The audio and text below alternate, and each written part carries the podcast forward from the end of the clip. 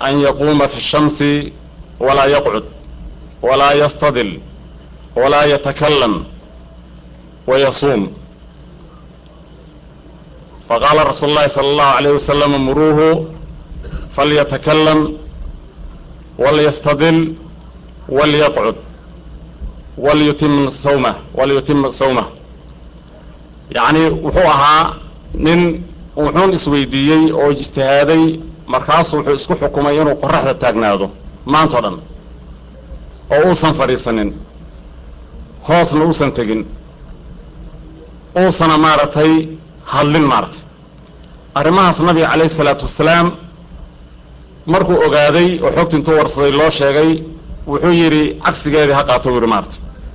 Ha hadlo hoosna ha raadsado hana fadhiisto soomkiisana ha taam yeela maarata ha dhammaysta arrimahaas iyo kuwo badan oo la mid ah oo quluwiga ku saabsan quluwigaas qadiimka ahaa ee horey u soo jiri jiray ee maantana jira dibna u jiri doona laakiin aad mooda watiba waktigu ka dambeeya inuu ka sii tiro badanayo waxaa inooga hadlaya sheekh maxamed baa inooga hadlaya. Sheekh maxamed umal ayaa inooga hadlaya. Sheekha waxaa la yidhi oo rag walaalaha ay dhaheen tacriifkiisa xoogaa ka bixi laakiin wax yar ayaan ku soo koobaya anugu maarata ku saabsan afar qodob maarata ku dheeraan mahayo sababtoo badankiin waad garanaysaan dadka aan aqoonin afar qodob ayaan ku soo koobaya magaciisa oo ah sheekh maxamed umal inuu yahay nin daaci ah oo ducaadda maaragtay islaamka ee ducaadda soomaaliyeed ee muhimka maaragtay ka mid ah ee ilaahay maaragtay dacwadan ugu gargaaray. Walaa nuzaki cala allahi axadan inuu sheekhu yahay midhihii madiinatu rasuuli llahi sala allahu alayh wasalam madiina almunawara raggii tacliimta jaamacadda ku soo dhammaystay inuu midhihii madiine yahay. Iyadana waa qayb ka mida maarata waxyaabaan ka tacriifinayna ugu dambayntii inuu yahay imaam wa khadiib wa mudaris maaragtay markaz abubakr sidiiq oo nairobi ku yaalla inuu ka yahay imaamna ka yahay khadiibna ka yahay mudaris dadka wax ku barana uu yahay maarata oo dacwada halkaas u taagan masaajidkaasoo la yiraahdo markaskaasoo la yidhahdo abubakar sidiiq oo ku yaalla nairobi ood garanaysaan. Intaas ayaan tacriifkiisana ku soo koobayaa falyatafadal mashkuuran akhuuna sheekh maxamed umal falyatafadal mashkuuran. Jazahu allah khayr. Bismi raxmaan raxiim ina alxamdu lilah نحمده ونستعينه ونستغفره ونعوذ بالله من شرور أنفسنا وسيئات أعمالنا من يهده الله فلا مضل له ومن يضلل فلا هادي له وأشهد أن لا إله إلا الله وحده لا شريك له وأشهد أن محمدا عبده ورسوله يا أيها الذين آمنوا اتقوا الله حق تقاته ولا تموتن إلا وأنتم مسلمون يا أيها الناس اتقوا ربكم الذي خلقكم من نفس واحدة وخلق منها زوجها وبث منهما رجالا كثيرا ونساء واتقوا الله الذي تساءلون به والأرحام إن الله كان عليكم رقيبا يا أيها الذين آمنوا اتقوا الله وقولوا قولا سديدا يصلح لكم أعمالكم ويغفر لكم ذنوبكم ومن يطع الله ورسوله فقد فاز فوزا عظيما أما بعد فإن أصدق الحديث كلام الله وخير الهدي هدي محمد صلى الله عليه وسلم وشر الأمور محدثاتها وكل محدثة بدعة وكل بدعة ضلالة وكل ضلالة في النار اللهم لا تؤاخذني بما يقولون واجعلني خيرا مما يظنون واغفر لي لما لا يعلمون أيها الإخوة في الله موضوع محاضرة أي كسب سنتها رنتي وموضوع قدوين واختقنا كما في الله ساس درادي دوحان اسكدو إن شاء الله تعالى انتي سورة قال إنا كرمرة قدبدا قار كود وفافاهين ديرادا رنتي مدنانة aan uga tago wakhtigoon saamaxaynin daraaddeed ummaddii nebi moxamed salawaatu rabbi wasalaamu calayh astaamaheeda waxaa ka mid ah tilmaanta la yidhaahdo alwasatiya. Alwasatiya wuxuu ku sheegay rabbi subxaana wa tacaala aayadda qur'aanka wakadalika jacalnaakum ummatan wasata litakunuu shuhada'a cala annaas. Sidaasoo kale waxaan idinka dhignay buu rabbi subxaana wa tacaala ummad wasat ah caadiliin ah. Sida xadiidka nebiga uu ku fasiray cadlan yani ummad dhexdhexaad ah si aada ummadaha kale ugu markhaati kacdaan. Macnaha waxaa markhaati furi kara ruux caadil ah laakiin faajirka markhaatigiisa lama qabto. Si ummaddan markhaatigeeda ummadaha ay ku markhaati kici doonto uu noqdo wax u hirgala ayuu ilaahay wuxuu ka dhigay ummad wasat ah oo dhexdhexaad ah oo cadaalad arrinteedu ay ku salaysantah tilmaantaas waa tilmaan cajo badan. Ummadda nebi moxamed salawaatu rabbi wasalaamu calayhi marka ummadaha kale loo fiiriyo arrimaha laysku khilaafsan yahay ee bulshooyinka adduunku isku khilaafsan yihiin kulligood dhexdhexaad bay ka tahay. Laba mihaal baan soo qaadanayaa. Mihaalka koobaadi waxa weeye nebiyullaahi ciisa calayhi wacalaa nabiyina asalaatu wassalaam oo saddexda bulsho ee ugu ballaadhan bulshooyinkii kutubta samaawiga loo soo dejiyey ay isku khilaafsan yihiin. Waa yahuudda nasaarada iyo ummaddii nebiga sal alla alay wasalam oo muslimiinta. Ah sida ay muslimiintu caqiidadooda ay ka rumaysan yihiin nebi ciise ay dhexdhexaad u tahay labadan ummadoodna ay u xag jiraan. Ayaan tusaale ugu soo qaadanaynaa yahuudda waxay tidhi nebiyullaahi ciisa calayhi salaam hooyadii bay ku been abuurteen isagana way ku been abuurteen. Waxay yidhaahdeen waa walad ku dhashay si aan sharci ahayn. Waa walad zina bay dheheen hooyadii maryamna waxay ku sheegeen inay zinaysatay. Waa garac bay dheheen nebi inuu noqdo iskaba dhaaf nasaaraduna waxay yidhaahdeen ama waa ilaah ama waa qeyb ilaahay ka tirsan ama waa ilmo ilaahay waa wiilkii ilaahay. Gaab aada u ballaadhan baa labadaa u dhexeeya. Waa garac iyo waa ilaah. Soo kaaf iyo kala dheeri maaha shareecadeennu maxay tidhi marka? Waxay tidhi cabdullaahi wa rasuuluhu horta waa addoonkii ilaahay qaab sharciga ku dhashay qaabkuu ku oorgalay siduu ku dhashay iyay qur'aanku faahfaahiyey. Yahuudda been abuuradkeedii iyo meel kaga dhaceedii iyo aflagaadadeedii meeshaa laga saaro waxaa la yidhi been baad sheegteene sharci buu ku dhashay. Qoladaas xag jirta waa meeshaa laga saara ra'yigooda qoladii kor intay u qaaday ilaa darajada ilaahnimo gaadhsiisay ayagana waxaa la yidhi warkiinu ma jiree waa addoon ilaahay baa la yidhi oo rasuul ah. Bal u fiirso? Ra'yiga addoon ilaahay iyo rasuulkiisii wey. Waa addoon darajaysan oo ilaahay darajeeyey ilaahnimona ma gaadhsiisno waa addoon. Walad zina ana ma ahe waa rasuul ilaah dhexdhexaad bay marka fikradda islaamku iyo caqiidadiisu ay ka tahay labada ummadood waxay ka kala rumaysan yihiin. Wakadalika jacalnaakum ummatan wasata waa dhexdhexaad mithaalka labaad waa waxa loo yaqaano sida islaamku uu isugu dheeli tiray bayna mataalib اddunyaa bayna mataalib اljasad wa mataalib اlruux bini aadamku jidhkiisu ama wuxuu ka kooban yahay sidiisaba laba cunsur wuxuu ka kooban yahay jidh iyo ruux oo nafta ku jirta. Ah mabaadi'da bini aadamku uu haysto oo lagu dhaqmo hadda bulshooyinku ay haystaan laba mid wey. Inay u badan tahay dhanka jismiga iyo jidhka baahidiisa inay isku isku isku taxallujiyaan sidii loo dabooli lahaa.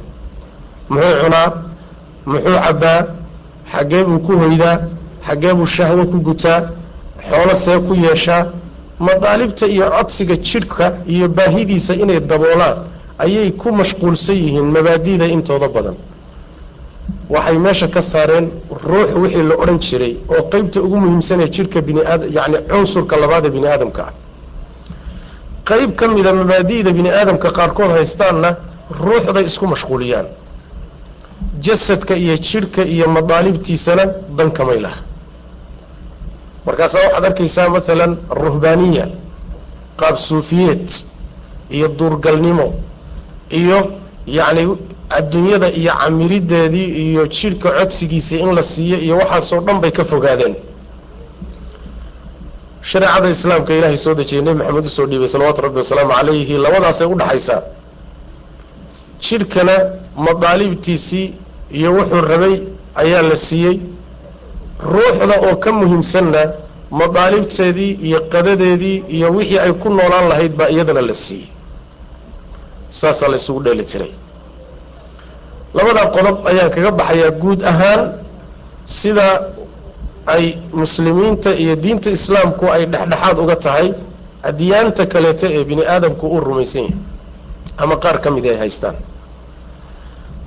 Mar hadday diinta islaamku ay dhexdhexaad tahay waxaan meesha ku jirin waxa la yidhaahdo alguluw oo macnaheedu uu yahay mujaawasat alxad yacni sohdinta iyo xadda ilaahay dhigay shay walba ilaahay xad buu u yeelay.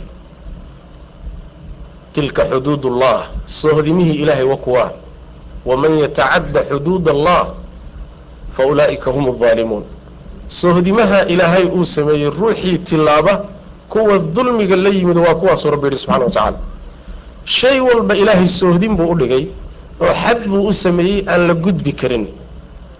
Shayga xaddii ilaahay ugu talagalay haddaad daafisood gudbiso macnaheeda taasaa quluwi la yidhahda xadgudub baa la dhahaa.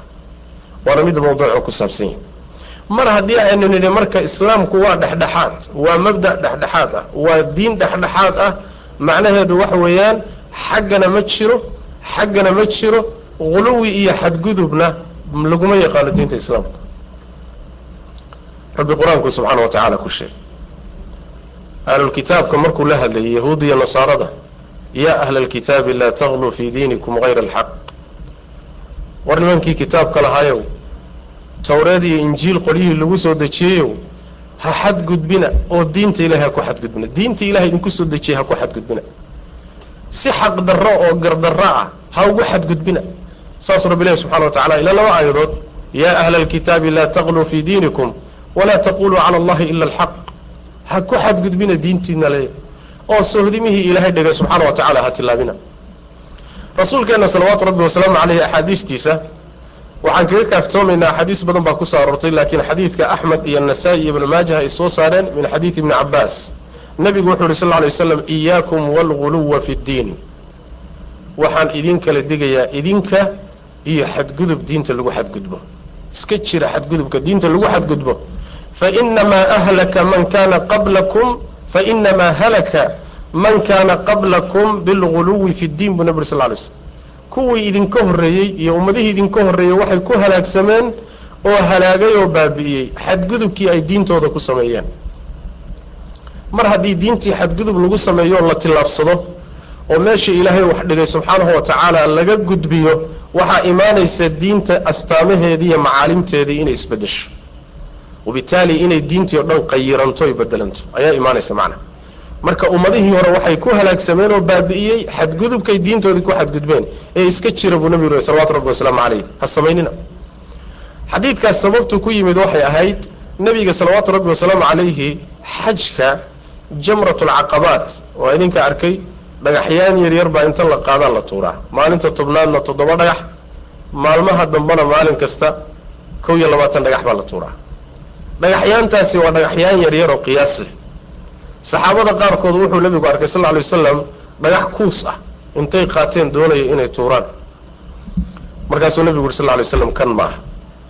Kan ma aha. Iyaakum waalguluwa fi ddiin buu nebigu yuri sal lla lay wasalam dhagaxii xaddii loogu talagalay ee yarka ahaa haddaad ka siyaadiso oo dhagax kuusa ka dhigtaay waa guluwi intii shareecadu ku talagashay baad ka siyaadisay lama ogola marka.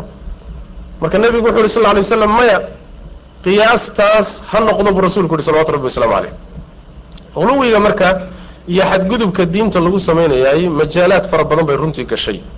Nebigu sal lla lay wasalam waa inooga digay qur'aanka iyo sunnaduba waa ka digeen a'imadii salafku waa ka digeen haddana maca daalika waa dhacay.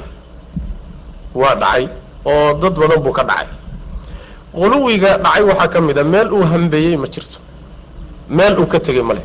Caqiidaduu galay suluuguu galay camalkuu galay meel uu hambeeyey ama uu reebay ma jirte kulli meel kasta majaal kasta waa galay.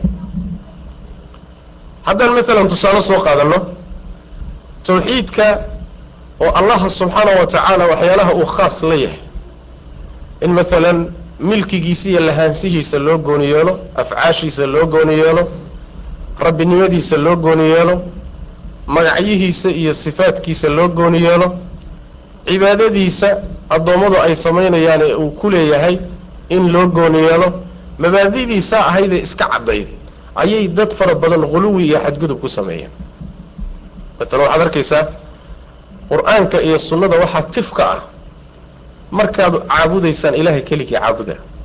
Markaad wax baryaysaan ilaahay keligii barya. Markaad gowracaysaan ilaahay keligii u gowraca. Markaad kaalmo weydiisanaysaan ilahay keligii kaalmo weydiista. Cid kaleeto ilaahay ha u marina. Haddana maca daalika mabaadidii sidaa ahayd qolaa ka tillaabsatayoo ilaahay ku fillaan waaye. Ilaahay subxaana wa tacaala bay ka hunguri baxeen. Markaasaa waxay yidhaahdeen yacni cid kale aynu wax u raadsanno waa meesha marka ay ka dhalatay guluwiga ah in makhluuqa wax laga raadsado oo wadaad dhintay wax loo doonto oo geedo iyagu ay qoreen ay isku tirtiraan oy barako ka raadsadaan oo awliyadii iyo amwaaddii iyo awowiyadii dhintay wax la bido oo la yidhaahdo ilaahay toosba ulama xidhiidhi karti inaad cid kale u sii marto mooyaane. Xaggay ka timid guluwi wey maxaa yeelay xuquuqdan ilaahay baa lahaa. Ilaahay meel buu dhigay oo wuxuu yidhi anigaa iskale cid kale ha siinina. Haddii cid kale la siiyey waa guluwiga ugu khatarsan meesha ugu halisan ee diinta lafdhabarteeda ana galay wey waana kufri iyo gaalnimo wey intaa keliya kuma kuma koobnayn.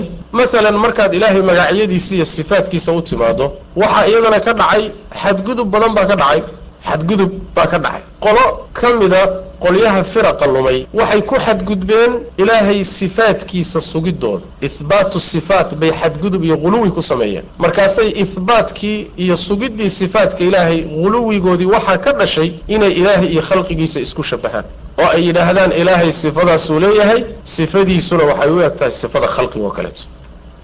Alla subxaana wa tacaala carshiguu ka saramaray sidaan anagu yacni kursiga ugu fadhin oo kaleeto. Saasay yidhahdeen waxay yidhahdeen rabbi subxaanahu wa tacaala wuxuu leeyahay maqal sida maqalka khalqigiisao kale ah. Sifadii way sugeen laakiin sugitaankiibay guluwi ku sameeyeen. Oo kayfiyadii sifada ayay farageliyeen markaasay khalqiga ilahay ku shabaheen subxana wa tacala waa kufri. Waxaa la yidhahdaa guluwun fi lihbaat baa la yidhahdaa. Qolo kalea iyaguna xag jirto dhanka kale ka soo jeeda. Oo iyagana la yidhaahdaa ghullaatun fi lnafyi watactiil waxay yidhaahdeen ilaahay wax sifaa iyo tilmaan iyo magaca toona ma leh. Ayaguna waxay ku xeel dheeraadeen sifaadka diidadoodii markaasay ilaahay waxay ka dhigeen sidii wax cadam oon jirin oo kaleeto leanna waxaan sifo iyo tilmaan lahayn waa waxaan jirin. Waa ka sheikhulislaam ibnu taymiya caleyh raxmat ullahi uu leeyahay almucatilatu yacbuduuna cadaman waalmushabbihatu yacbuduuna sanaman kuwa ilaahay iyo khalqigiisa isu ekaysiiyeyna sanam bay caabudayaan kuwa ilaahay tilmaamaha iyo sifaadkiisa u diidayna waxay caabudayaan yacni waxaan jirin bay caabudayaan maxaa yeelay waxaan sifo lahayn waa waxaan jirin wey waa cadam qoladaana waxay ku fogaatay oo la durugtay oy ku xadgudbeen nafyiga iyo waxa la yidhahdo atanziih ilaahay nasahay isdheheen tiibay ku xadgudbeen waxay gaadhsiisay inay ilahay sifaadkiisa u diidaan subxana wa tacala marka loo yimaado masaa'il alqada waalqadar ayadana laba qolo ayaa labada dhinac kala taagan. Intaana taa hore ka bixin madhabka ahlusunna waljamaca labadaa qolo u dhexeeyaayo ilaahay in sifaadkiisa loo sugo si u qalantana loogu sugo khalqigiisana aan lagu shabihin sidaas weeye waa madhab u dhexeeya labada midba uu dhinac jiro.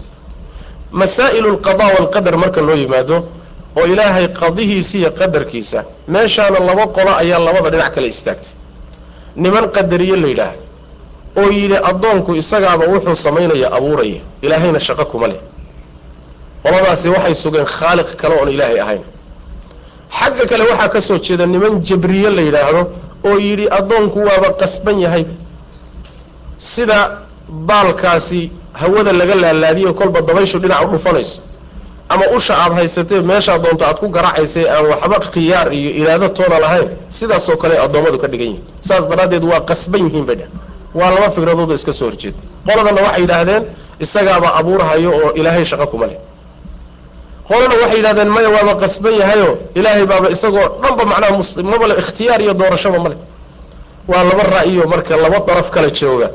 Dhexdhexaadkuna waxa weeyaan rabbi subxaanahu wa tacaala isaga ayaa wax walba abuura addoonkuna iraado iyo khiyaar buu leeyahay. Iraadadaa iyo khiyaarkaasuna wax ku samaynaya mashiicadiisi iyo iraadadiisuna ta ilahay bay raacsan tahay subxaana wa tacaala tashaa'uuna ilaa an yashaaa allah. Madhabka ahlusunna waljamaca waa saas oo labadaas u dhexeeya marka loo yimaado masaa-isha maalan mas'alatu saxaaba laba qola iyaduna labada dhinac kala martay. Niman la yidhaahdo? Shiicada oo asxaabu rasuulillahi sal alay wasalam ku xukumay inay gaaloobeen. Markuu nebigu dhintay kadib wax yar mooye intoodii galagaalnimay ku xukumeen. Xagga kale waxaa ka soo jeesaday niman la baxay nawaasib oo saxaabada qaarkood u tacasubay. Saxaabada qaarkood u tacasubay oo intii kale ka hormariyey. Kuwana way gaalaysiiyeen kuwana waxayba gaadhsiiyeenba cali bni abi aalib oo kaleeto inuu ilaah yahay. Waa nimankii uu cali bni abi aalib gubi jiray ibnu cabaas uu dhihi jiray waxaan jeclaan lahaa inaad layso odan gubin. Maxaa yeele nabigaa wuxuu yidhi dabka ilaaha iskale unbaa wax ku cadaaba ee cid kaleeto wax kuma cadaabto. Ee waxaa ficlaan lahayd bu ihi caliyow intaad xadiiskii qaadato man badela diinahu faqtuluuhu ninkii diintiisa bedela dila inaad layso oo dabka ka daysaa ila ficnayd buui cali bn abi aalib radi allahu canhu markii dambe ra'yiga cabdullahi bni cabaas wuu u bogay. Macnaheedu waxa weeye nin leh cali bni abi aalib waa ilaah iyo nin taagan shiicadii oo asxaabu rasuuli lahi sal lay waslam gaalisiisay. Raafidadii labadaa darafoo iska soo horjeeda wey. Manhajka ahlusunna waljamaca wuxuu yahay asxaabu rasuuli llahi sal alay wasalam in ay kulligood cuduul yihiin. Ummaddan dadkii akhyaartoodana ay yihiin. Waxna aan laga sheegi karin. Wixii iyaga dhexdooda marayna laga aamusayo. Kii saxsanaana waa saxsan yahay. Kii khalad ka dhacayna khaladkiisu ijtihaad buu ku dhacay. Ijtihaad ruuxii khalad uga dhacana waa ma'juur oo hal ajir buu leeyahy sida nebiga sal lla alay wasalam ninkii saxsanaana laba ajir buu leeyahay hawshii saxaabada dhex martay halkaa in lagu daayo kulligoodna yacni waxa weye cadaaladoodii iyo sharafkoodii iyo la ilaaliyo. Ahlusunna waljamaca sidaas wey oo lagu xadgudbin asxaabu rasuuli lahi sal alay wasalam labadaa qolo ayay udhexeeyaan waxaa ka mid a maalan masaa'il liimaan marka loo yimaado waxaa iyadana labada dhinac kala aaday niman la yidhaahdo khawaarij iyo niman la yidhahdo murji-a. Khawaarijtu waxay yidhaahdeen dembi weyn ruuxii galaayay waa gaaloobayaa islaamkuu ka baxaya. Kii zinaysta waa gaaloobayaa ruuxii ruux dila waa gaaloobayaa ruuxii maalan waxa weye waxada waa gaaloobayaa ruuxii waxantaay waa gaaloobayaa. Dembi weynba hadduu kaa dhaco walow shirkiba yuusan ahaanine islaamka bannaankaad ka joogtaa bay dheh dhanka kale waxaa ka soo jeedsaday niman murji-a la yidhaahdo oo yidhi ma ahee ruuxu dembi kastoo uu galo iimaankiisii waxba ma noqonayo. Muslimiinta ninka ugu dembi badan iyo malakul jibriil waa isku iimaan bay dheheen wala fiirso labada dhinac. Midna haddaabad khalad gasho waad gaalowday buu kuu taagan yahay midna dhanka kale wuxuu leeyahy waxba ku yeeli mayso iska qaso maadaama iimaan kuu sugnaaday waxba ku yeeli mayso bay koladana taagantah ahlusunna waljamacana maxay dhaheen? Dariiqa saxdaa waxa weeye in la yidhaahdo yacni daacaadka aad samaynaysana iimaankaaga way kobcinaysaa. Khaladka aad gelaysana iimaankaaga waa dhaawacaysaa. Ruuxana islaamnimada looga saari maayo. Wax aan nas loo haynin inuu islaamnimada kaga baxayo iyo dawaabid iyo shuruud. Amaa hadduu dembi weyn galo iimaankiisu horta waa naaqusayaa waa isdhimayaa waxaa la leeyahay waa mu'min iimaankiisu kala dhimaya. Aakhare hadduu tagana ilaahay mashii'adiisu hoos yaalla hadduu doono ilahay waa u dembi dhaafayaa hadduu doonana ilaahay subxaana wa tacaala cadaab uu ka goynayaa cadaabku marinayaa kadibna jannadu ku dambayn doonaa insha allahu tacala maadaama iimaan uu ku dhintay dariiqa saxda ee dhexdhexaadka ahlusunna ee murji'ada iyo khawaarijta udhexeeya isaguna waa kaa tacriifka iyo qeexidda iimaanka ayaa isaga laftiisa ay ku kala tegsan yihiin laakiin qodobka un baan ka soo qaadanaynaa si aan u burhaanino. Masalada iyadaa macna. Masaa'iluliimaan iyo tawxiidkii oo dhan baa marka qolona ay dhankaa istaagtay qolona ay dhankaa istaagtay. Waa quluwi madhabka ahlusunna waljamaaca ee saxaabada iyo taabiciinta iyo a'imada laga dhaxlay ayaa wuxuu yahay madhabka dhexdhexaadka oo markii qolana xagga aado qolana xagga aado iyagu mar walba dhexda yaallaan waana qolada rabbi ku tilmaamay subxaana wa tacaala wakadalika jacalnaakum ummatan wasatan. Ummadda islaamka o dhan marka la yidhahdo ummadaha kaloo loo firiyo way udhexaysaa haddana hoos marka loo soo dego ummadda islaamka la dhex yimaado firaqeeda iyo kooxaheeda ahlusunna waljamaaca baa u dhexeeya kooxahaas midba ay daraf iyo dhinac qabsatay macnaha waxaa ka mid a maalan huluwiga meelaha uu galay iyo xadgudubka dadka qaarkood iyo kooxaha qaarkood oo caqliga meesha waxaa tale masale la yidhaahdo caqliga iyo naqliga keebaa xoog badan. Caqliga waxaa la yidhaahdaa waa ruuxa iyo waxyaabaha uu isku qanciyey. Naqliguna waa wixii kitaabka ilaaha iyo sunnada nebiga ku yimid. Hadday labadaasi iska hor yimaadaan kee xoog badan bay dhahaan. Dad baa marka xadgudub waxay ku sameeyeen caqliga iyo makaanadiisa iyo booskiisa iyo kaalintiisa. Markaasaa waxay yidhaahdeen caqli iyo naqli hadduu iska hor yimaado caqligaa ka horreeya. Maxaa yeelay caqligaa ka xoog badan nasku aayadda qur'aanka ama xadiidku hadduu caqliga ka hor yimaado aayaddaasi ma jirto. Ama waa in la awilo xadiiskaasi ama waa daciif ama macnihiisa waa in la leexiyo laga leexiyo sida si caqliga uusan uga hor imaanin caqligaa marka asal u ah.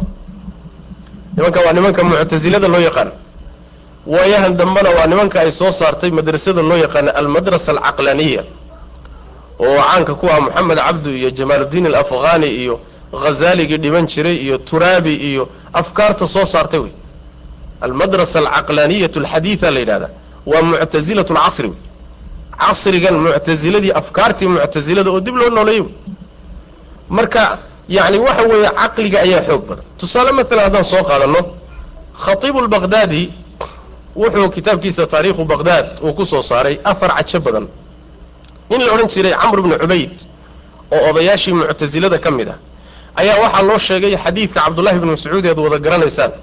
Xadiidka cabdullahi bni mascuud ee ka bilaabayay xadahanaa rasuulu llahi sal lla alay wasalam wahuwa asaadiqu lmasduuq ee arbiciinka ku yaalay ee tilmaamayey nafta bini aadamka maraaxisha ay marayso marka la abuurayo nafta la gelinayo acmaasheeda in horay loo qoray wixii horay loo qoray inay ku dambayn doonto. Yacni xadiiskaas baa loo sheegay.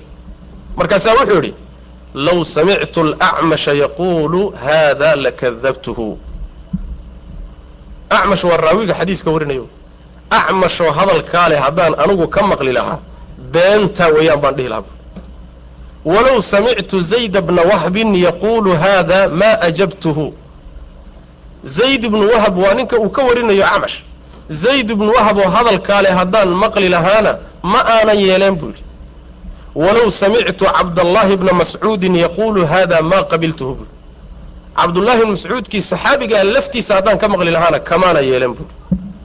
Walow samictu rasuula allahi sal lla lay wasalam yaquulu hada yaquulu haada laradadtuhu buuri haddaan rasuulka ilaahay oo hadalkaale maqli lahaana waan ku celin lahaa buuri waa ku diidi lahaa. Waa ka sii daro wuxuu yidhi walow samictu allaha tacaala yaquulu hada laqultu lahu laysa calaa hada akhadta mihaaqana haddaan ilaahay toos uga maqli lahaa waxaan ku dhihi lahaa ballankii naga dhexeeyey sidaas ma ahayn ballantaan naga qaaday khuraafaadkaas inaad noo sheegto horay baan wax u qoray oon u qorsheeyey. Waxaan qorsheeyey un baana nagu socon doonaa ballantaasi nagama dhexaynina ballantii baad ka baxday baan dhihi lahaa allow. Ilahay baan ku dhaariy ufiirsada limaada lianna waxa wey wuxuu leey waxaana caqligii buu diidahaya caqligii baa ka xoog badan mas'alada caqliga in la qadiso oo laga dhigo waxaan khaldamin sharcigiina laga dhigo wax khaldami kara waa fikrad ka soo jeeda asalkeedu muctasilada gadaal dambena fikradda waxaa wax ka dhaxlay ashaacirada iyo maaturiidiyada iyo qolyahan ay dhashay muctasiladu ayaa wax badan ka dhaxlay oo waxaad arkaysaa in badan ayagoo masaa-isha caqliga marjic ka dhigaya masaa-isha caqliga marjic ka dhigaya naskii baa la khilaafaya laakiin caqli lama khilaafi karo. Waxay ku magacaabeen waxay yidhahdaan yani waxa wey alqaciyaat alcaqliya ku magacaabeen. Alqaciyaat alcaqliya waa wax go-an oo caqligu ku tusay oon la khilaafi karin. Amaa naqliga iyo nusuusta iyo qur'aanka iyo sunnadu danni bay iyagu faa'ideeyaan bay dhahaan. Caqligu yaqiin buu faa'ideeyaa bay dhahaan. Wahaakada saas way macnaha marka yani waxaa la yidhahdaa alguluwu fi lcaqli oo macnaha waxa weeye caqliga iyo taqdiiskiisa niman saa ugu xadgudbay baa jiray. Ilaa iyo haddana afkaar noocaas oo kale waa jirta oo turaabi markii lagu yidhi nebi maxamed salawaatu rabbi wasalaamu caleyh wuxuu yidhi markii xadiiskii nebigu yidhi sal alay wasalam daqsigu mid idinka idinka mida sharaabkiisa hadduu daqsigu ku dhaco dhex geliya buu nebi yidhi sal lla alay waslam sababtuna waxa weeye labadiisa baal midna sun buu ku wataa midna daawuu ku wataa. Waa xaasid oo midka sunta a buu gelinayaa midka daawada watana wuu ka ilaalinaya kor buu u taagaya marka nebigu wuxu yidhi sal lla alay wasalam dhex geliya si daawadii iyo suntii ay isu qaabilaan ood uga nabad gashaan. Turaabi wuxuu yidhi mataqaanaan xadiiskaas? Wuxuu yidhi maxamed dhakhtar ma ahayn buuri maxamed dhakhtar ma ahayn buuri saas daraaddeed culuumta yacni dibiga rag baa mutakhasisun ku ah buuri u fiirsa ilahi baan kugu dhaariyey kama dhegaysteen buuri kamana dhegaysanay buri leanna culuumta dibiga waxba badan muusan ka aqoonin buuri waa yani caqlaalinimo wey calashaani waxa weeyaan waxyigan ilaahay soo dejiyey ee rasuulka ku soo dejiyey salawaatu rabbi wasalaamu caleyh asaga wixii caqliyaadka iyo maqaayiistaas iyo waxyaalahaasa kala xoog badan. Sharcigu waa gafaa laakiin caqliyaadka iyo tajribadoodu ma gafto. Saas way macanaha masale marka khatarteeda la ayib waxaa ka mid a majaalaadka guluwigu uu galay alguluwu fi daati rasuuli sal alay waslam nebiga daatadiisa oo aada loogu xadgudbay. Daatada nebiga sal alay slam oo lagu xadgudbay. Xadgudubkaas waxyaalaha kutusaya waxaa ka mid ah allah subxaana wa tacaala nebigiisa wuxuu ku tilmaamay cabdi rasuul ah. Waa addoon addoonnimada waxaa u dheer waa rasuul ilaahay soo dirsaday. Inta kale bashar buu ka yahay. Waa bini aadam aadam carruurtiisii wey halkaasuu ka soo jeedaa kutubbaa waxay qortay oo wadaaddaha waxay rumaysan yihiin nebi moxamed sal lla alay wasalam inaan dhoobaba laga abuurin aadamna laga abuurin ee laga abuuray nuur laga abuuray. Kitaabka mawliidka ay wadaadadu akhriyaan saasaa ku taalla. Nuur baa laga abuuray nebi moxamed salawatu rabbi wasalaamu caleyh fikraddaasina waa huluwi wey markii la yidhahdo war waxaani saxmee nebi maxamed dhoobuu ka soo jeedaa. Aabihii aadam baa dhoobo laga abuuro halkaasaa asal u ah. Waxay ku leeyihiin war sheekh nebiga meel ha kaga dhicin sheekhow nebiga karaamadiisa meel ha kaga dhicin xadgudub wey meeshii ilaahay rasuulkiisa dhigay ma aha in laga durkiyo oo la geeyo meel aan loo habo meel aan habboonayn maaha yacni xuduuddii iyo sohdintii rabbi in la gudbiyo ma ah. Rabbi wuxuu uga raalli noqday inuu addoon rasuulaya. Ayib intaasaana ku filan oo ammaan ugu filan nebi moxamed salawatu rabbi wasalaamu caleyh laakiin waxaan jirin iyo khuraafaad inaan nebiga ku ammaano oon ku weynayno oon ku qadarino macno male taas waa nuur baa laga abuuray bidhah macnaheedu waxa weye malaa'igta ayuu nebi maxamed la jinsi yahay. Leanna sida nabigeena ka sugan sal lla alay wasalam khuliqat almalaa'ikatu min nuur wa khuliqa aljaanu min maarijin min naar wa khuliqa aadamu mima wusifa lakum buu nebi uri sal lla alay slam malaa'igta nuur baa laga abuuray. Jinkana waxaa laga abuuray ololka ama holaca dabkaa laga abuuray. Aadamna waxaa laga abuuray waxa laydiin sifeeyo qur'aanka laydinku sheegay oo dhoobada ah haddaad tidhahda nebi maxamed nuur buu ka abuuran yahay. Macnaheedu malaa'igtay isku jinsi yihiin sooma bini aadamba iyo isaguba ismaba arkaanba saasay noqonaysa.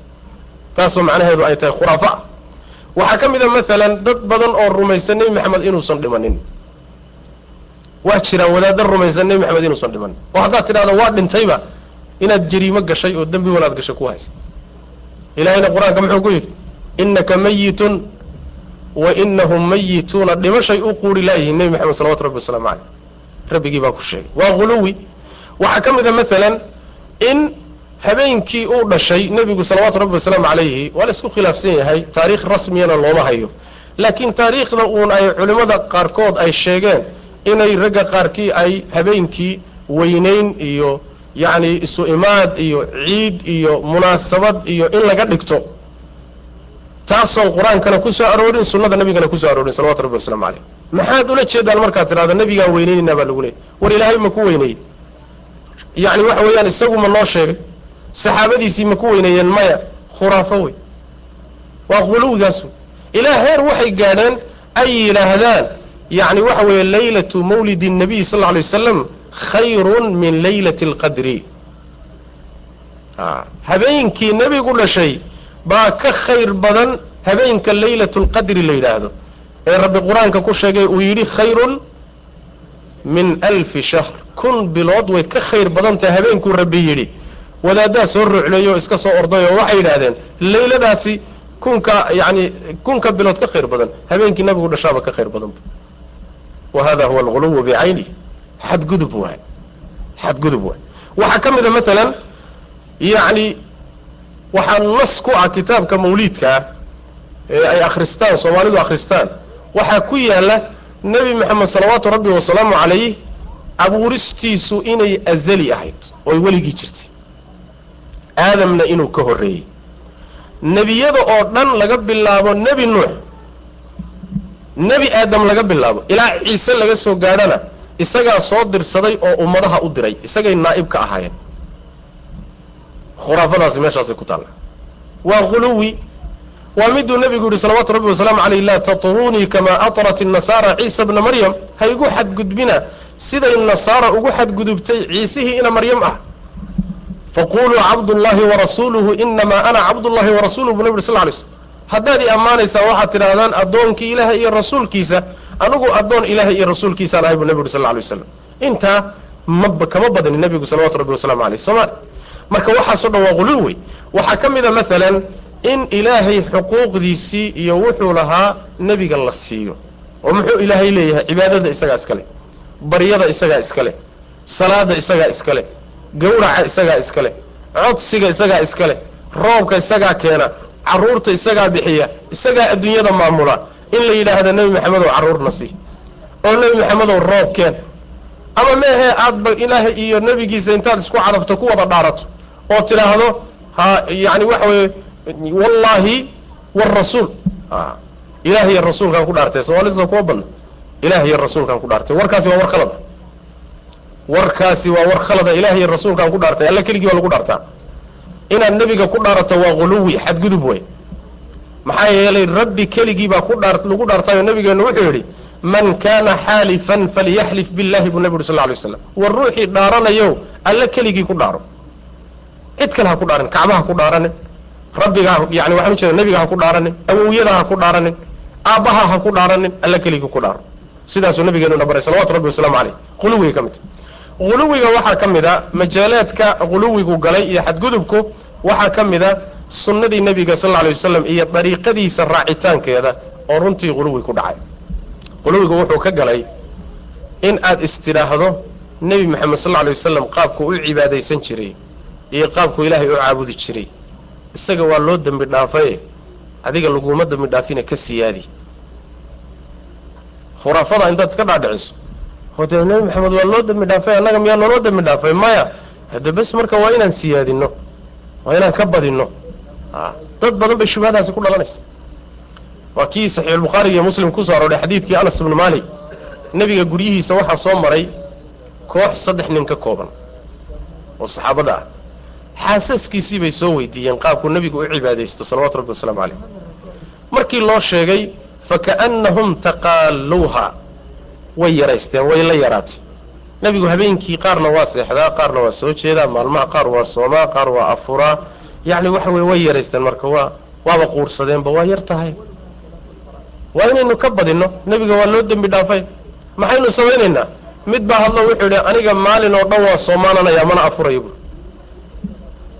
mid kalena wuxuu yidhi aniguna habeenkao dhan baan taagnaanayaayo hurdo seexan maayo. Ku kalaa soo boodo wuxuu yidhi anigana dumarka layguma oga. Ku kalaa soo boodo wuxuu yidhi anigana hilibkaan laygu ogeyn. Nebigaa warkii gaadhay salawatu rabbi wasalaamu caleyh wuxuu yidhi war warkaa nimankii yidhi maydinkaa haabay dheheen. Nebigu wuxuu yidhi sal lla alay wasalam anigu waxaan ahay midka ilaahay idinku yaqaana idinkuna cabsi badan baan ahay. Habeenkii qaarna waan seexan qaarna waan istaagayo ilaahay baan caabudi. Mar waan soomi marna waan afuri. Dumarka waan guursan hilibkana waan cuni. Sunnadaydaa iyo dariiqadaydaa ninkii khilaafana iga mid maaha buu nabigu yidhi salawatu rabbi wasalaamu caleyh soo warcad maa a nebi maxamed wuxuusan samaynin adiga miyaad samayn karta ilaahay subxaana wa tacaala isagaa kaa yaqaanay isagaana kaa cabsi badnaa. Saxaabada qaarkood markay nebiga ka codsadeen sida saxiixulbukhaariga ku yaalla in ay isdhufaanaan oo xiniyahaba iska saaraan ilan kadeedka dhanba xiniyuhu ka socdaay kadeedka iyo dhibkan iyo orodkan iyo adduunyadan iyo waxani waa xiniya. Aan iska goyna dheh nebi allow noo fasax aan ka nasanna waxani. Nebigu sal lla alay waslam waa diiday. Abadan. Waa u diiday leanna tanaduc waay tanaduc xadgudub wey nebigu sal lla alay waslam waa diiday. Marka yacni in tadbiiqii iyo qaabkii camaleedkii nebigu sal alay wasalam ugu camalfali jiray een ka soo gaannay inaad ka badbadi tidhaahdaay waa huluwi wey waana huluwi dad badan ay ku dhaceen wey macnaha huluwi dad fara badan ay ku dhaceen iyo xadgudub weeyaan. In la iska ilaaliya loo baaya marka xaddii nebigu ku ekeeye ku ekee. Kollay maba keeni kartid intii nebigu keenay waad ka soko dhici waa kii cabdullaahi bni camr bni caas nebigu sal alay wasalam ku yidhi markii uu yidhi nebi allow maalin kastaan rabaa inaan soomo nabigu wuxuu ku yidhi sal lay slam ma kari kartida bishiiba. Bishiiba intaa ka soo. Wuu soo waday ii kordhi buu waa soo waday waa soo waday waa soo waday waa soo waday. Markii ugu dambaysa wuxuu yidhi labada beriya isku xigta maalinna soon maalinna afur wuxuu yidhi nebi allow wax ka badan baan kari karaa hala ii siyaadiyo wuxuu rabaa in la yidhahdo maalin kasta soon. Nebigu wuxuu yidhi sal lla alay waslam wax ka fadli badan ma jiro waa soonkii nebi daawuud soonna isaga ugu fadli badan maalinna soon maalinna afur buu wixii ka hooseeya maya boqol soon war la yidhahdo ma jiro. Macnaheedu saas. Boqol soon oo isku baxsan warkiisu ma jiro. Maalinna soon maalinna afur buu nabi yuri salawatu rabbi waslamu caleyh waa quluwi cabdullaahi bni camr bni caas wuxuu leeyahy amaa qur'aanka akhrintiisa sidoo kale wuxuu nebigu ku yidhi bishiiba mar dhamme. Nebi allow nin dhalinyaraanahay xoog intaa ka badan baan leeyahay ii siyaadi bal waayahee waa la soo wada waxa la yidhi usbuuciiba mar akhri. Maya nebi allow ii kordhi. Waxaa la yidhi waaya saddexdii beriba mar dhamme wuxuu nebi allow ii siyaadi wuxuu nebigu ku yidhi sal alay wasalam saddex beri ka yar nin qur'aanka ku dhameeyey ma fahmin buu nebigu yidhi salawatu rabbi waslamu caleyh saddex beri ka yar nin qur'aanka ku khatimay ma fahmin. Wuu iska dululubiyey wuu iska didiyey siday wadaadada soomaalidu u didin jireen? Soo maart macnihii iyo qasadkii iyo ujeeddadii laga kamuusan gaadhin wey macana gadaal dambe cabdullaahi ibnu camr ibnu caas nebigu saasuu kaga tegey markuu duqoobay oo dhallinyarinimadii iyo firfircoonidii iyo nashaadkii iyo waxoogaa isdhimay. Nebigana wixii uu ku ogaa inuu ka tago u dhibsaday dhib badan baa ka soo gaadhay saas daraaddeed wuxuu dhihi jiray alla maalinka maxaa nebiga ruksadiisa u qaadan waaya waa maruu duqoobay hawshiina ku cuslaatay. Nebigu sal lla alay waslam arrintaasuu arkahayay. Inay imaan doonto sidaas daraaddeed wuxuu nebigu yidhi sal lla alay wasalam waxaad kari kartaan qaata dhexdhexaadkana laazima alle ma noogayo intaad idinku ka noogtaan camalka midka la daa'imo ayuu alle ugu jecelyahay haba yaraadee macnaheedu waxa weeye adoon isdhibin camalkaagii iyo daacadaadii inaad la timaado sunnadana waafajiso ayaa loo baahanya macnaa saas wey ayib waxaa ka mid a maalan huluwiga iyo xadgudubka meelaha uu galay waxaa ka mid ah inaad u aragto sunnadii waajib u aragto. Waa huluwi inaad u aragto shaygii mubaaxa ee ilaahay kuu baneeyey xaaraam aad u aragto waa huluwi hawl aad adigu leedahay ma ah inaad u aragto xaaraamtii aad u aragto inay xalaal tahay waa huluwi kulligeed waa xadgudub. Leanna meeshii ilaahay wax dhigay ayaad adigu dhaafinaysa. Maalan nebigu sal alay waslam wuxuu ku yidhi wuxuu yidhi markaad salaada ka baxdaan maalan imaamkaoo kaleeto yacni hal dhinac yuusan ka soo jeesanayna dhanka kalena ha ka soo jeesado marna midigta ka jeeso marna midix bidixda ka soo jeeso. Limaada si uusan shaydaanku kuugu qancinin midigta uun in laga jeesado inay waajibta oo bidixda aan laga jeesan karin. Shaygii labada dhinacba ku bannaanaa hadduu shaydaanku kugu qanciya hal dhinac unbaa ku bannaan. Macnaheedu waxa weeyaan huluwi baad ku dhacday. Shaygii mubaaxa ahaa ee iska bannaanaa haddaad u aragto inuu xaaraam yahay oo uusan bannaanayn waa huluwi saas macnaha marka huluwigu majaalaadka uu galay ayay ka mid tahay. Waxaa ka mid a maalan huluwiga yacni in sunnadii intay ku deeqi weydo aada bidca u baxdo. Sunnooyinkii nebigaa kugu fillaan waayo shareecadii ballaanayd baa kugu fillaan weyda qur'aankii iyo sunnadii baa ku deeqi waayo markaasaa waxaad bilowday inaad adigu jeebkaaga kala timaaddo waxaad ilaahay ugu dhowaanayso ama wadaad kaa horreeyey wuxuu jeebkiisa kala yimid oo diin ka dhiganayo oo qur'aan iyo sunna ayna ku tusayn inaad iskaga raacdo war ma sunnadii iyo qur'aankii baa ku deeqi waayo haddii aad si kasta ugu dadaasho inta soo aroortay oo cibaado ah ma dhammayn kartid. Ina addiina yusrun walan yushaadda addiina axadun ilaa halabhu buu nabig sal lla alay slam diinku waa fudayd. Ruuxna diinta iskuma taago iskuma liqdaaro. Ilaa hadduu isku taago diintaa ka adkaata buu nabi uri sal lay slm waa ka raysaa. Ayada unbaa ku ridi oo ku dhigi. Saas daraaddeed fasadiduu waqaaribuu buu nabi uri sal lay waslam yacni waxa weye toosnaada oo dhoweeya wixii laydinka rabay laakiin haysdhibina buu nabi uri sal lay slm ma aha inaad bidca u gudubto inta sunnadii nebigu sal lay waslam ay ku deeqi weydo huluwigii qaar ka mid o huligu waxaa ka mid ah alguluwu fii talabi addunya waalkasb in aad adduunyada raadinteeda aada huluwi ku samayso.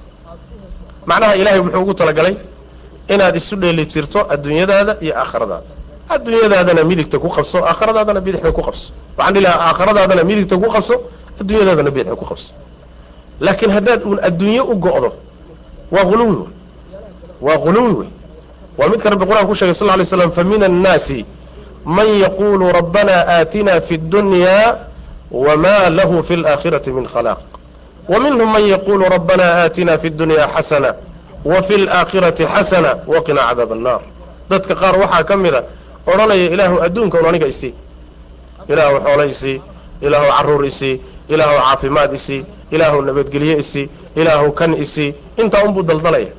Wax aakharo ku saabsanba jadwalka uguma jiro. Kuwaas aakharo waxaan cadaab aynuma yaal. Kooxda kale waxa weeye waa kuwo odhanaya ilaahu adduunkana wanaagna sii aakharana wanaagna sii kuwaa way kuwa ilaahay subxana wa tacala jannada ugu talagala maxaa loo baahaya marka? Isu dheelitir adduunyadaada iyo aakhiradaada intaad adduunyada u gooda aakhiradaadii ha ka tegin iyadaa raasamaa leh. Nolosha dambaa raasamaale midani waa dhayal iyo dhalanteed wey. Waa saraab waa dhaban dabangaallo wey aan xaqiiqo lahayn. Midii dhabta ahayd marka ha khaldaminoo huluwi ha samayninoo adduunyadu yayna kula fogaanin.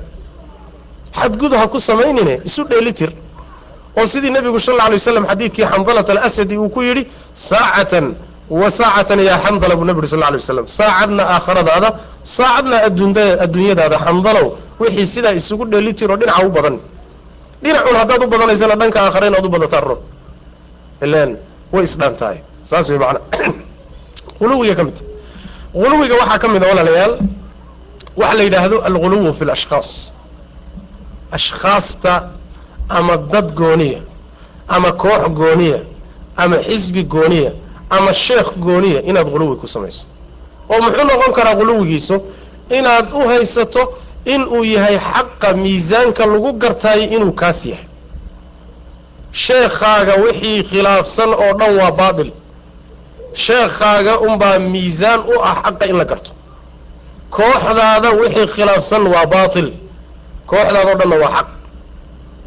Waa guluwun fi lashkhaas lianna cismada iyo dhowrsoonaanta gefka laga dhowrsoonaado bacda rasuuli llahi sal lla lay wasalam axad lama jiro abubakar baa ummadda uguna fadli badnaa uguna cilmi badnaa bacda rasuuli llahi sal alay wasalam wa maca dalika abubakrin masaa'il buu leeyahay lagaga xoog badan waa inaad marka ogaataaye kooxdaada iyo sheekhaaga iyo dariiqadaada in aynan miisaan u ahayn xaqa garashadiis wuxuu leeyahay shaykhulislaam ibnu taymiya caleyh raxmat isagoo masaladaa ka hadlaya falaa yajuuzu liaxadin an yajcala alasla fi ddiini lishaksin ila lirasuuli llahi sal lla alay waslam wla liqowlin ila likitaabi اllahi tabaaraka wa tacaala faman nasba shaksan kaa'inan man kana fawaalaa wacaada calى muwaafaqatihi fi اlqowli wاlficli fahuwa min aladiina faraquu diinahum shiyaca faraquu diinahum wa kanuu shiyaca wuu sii waday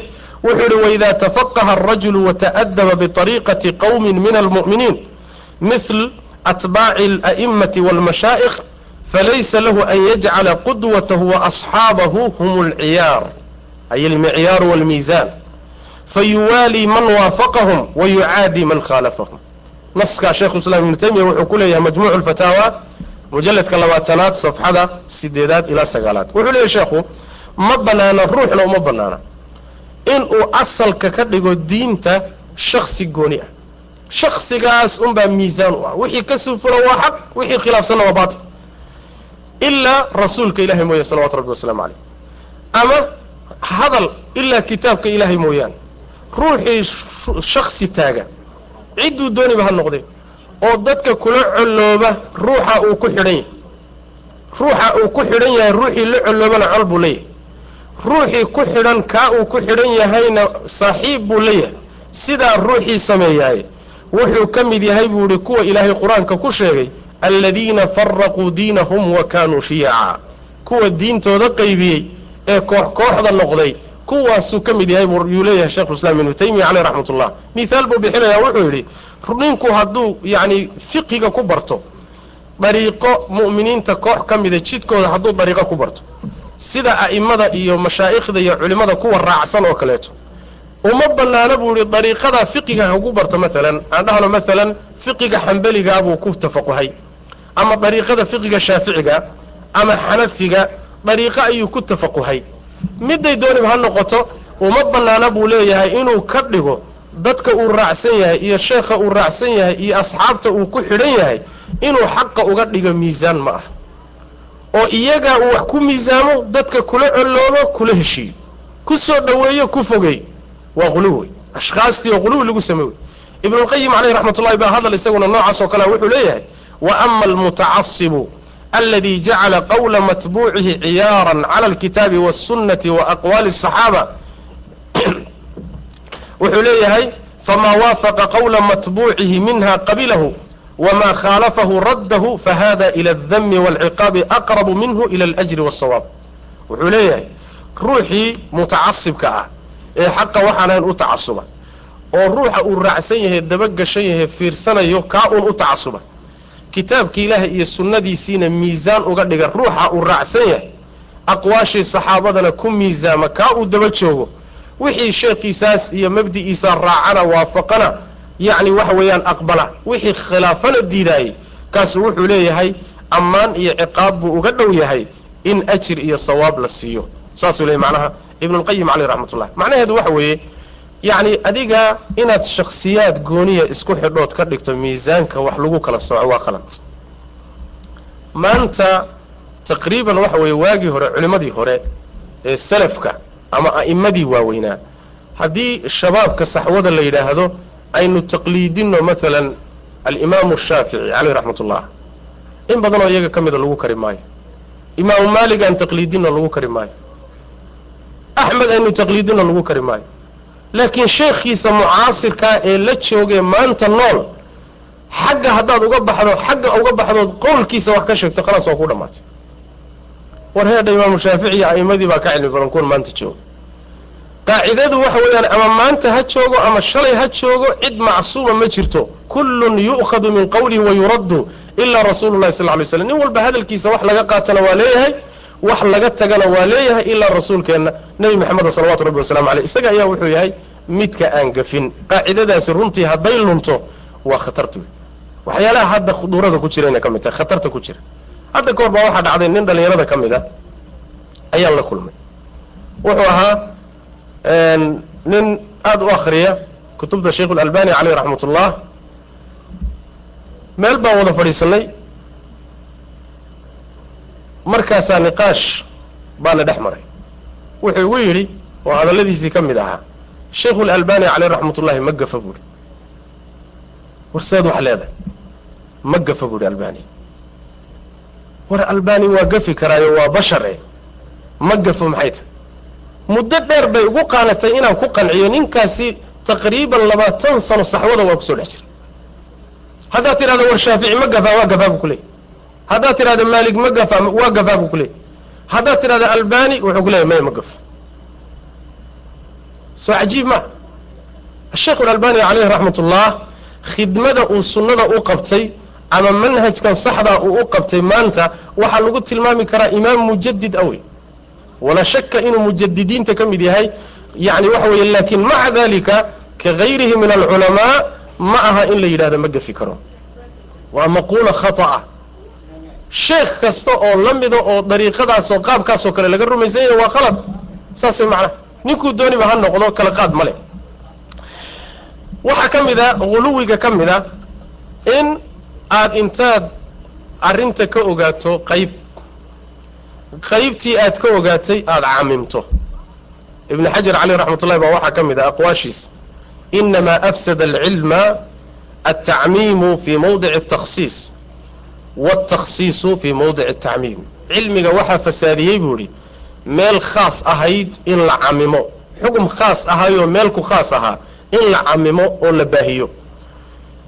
Ama mid caam ahaa in la uruuriyo oo meel lagu koobo dad badan waxaa ku kalifaya oo dhibka haystaaya uu yahay waxoogaa yar oo yacni waxa weeyaan aan badnayn ayuu culumta shareecada ka og yahay intaa uu ka og yahay ayuu doonayaa dadka oo dhan inuu ku miisaamo innagana soo martay safiine marna loo akhriyay kitaabka safiinaha oo noogu horraysay dalabka ayaa wax kasta oo kitaabka safiinaha khilaafsan oon ruux ku aragno waxaan u haysanay inuu khaldan yahay leanna safiina wax ka korreeyaba war kama hayno saas daraaddeed waxaan rabnaa dadkii oo dhan inay safiinaha soo wada galaan.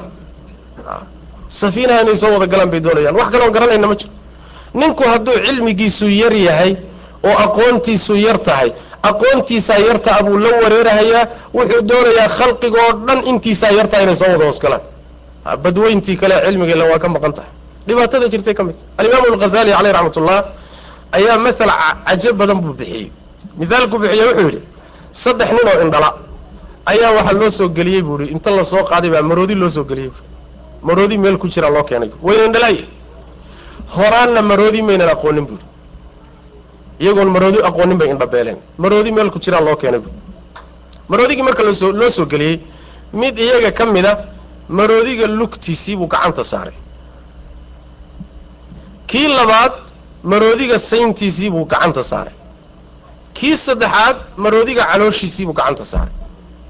Markaasaa la yidhi bal maroodigii ka warrama. Maroodi maxaa la yidhahdaa baa la yidhi indhoolayaalow bal qeexaa la yidhi maroodi wax la dha markaasaa wuxuu yidhi mid iyaga ka mid a wuxuu yidhi alfiilu kasaariyati almasjid buuri maroodigu waa sida tiirka masaajidka oo kale. Waa kee?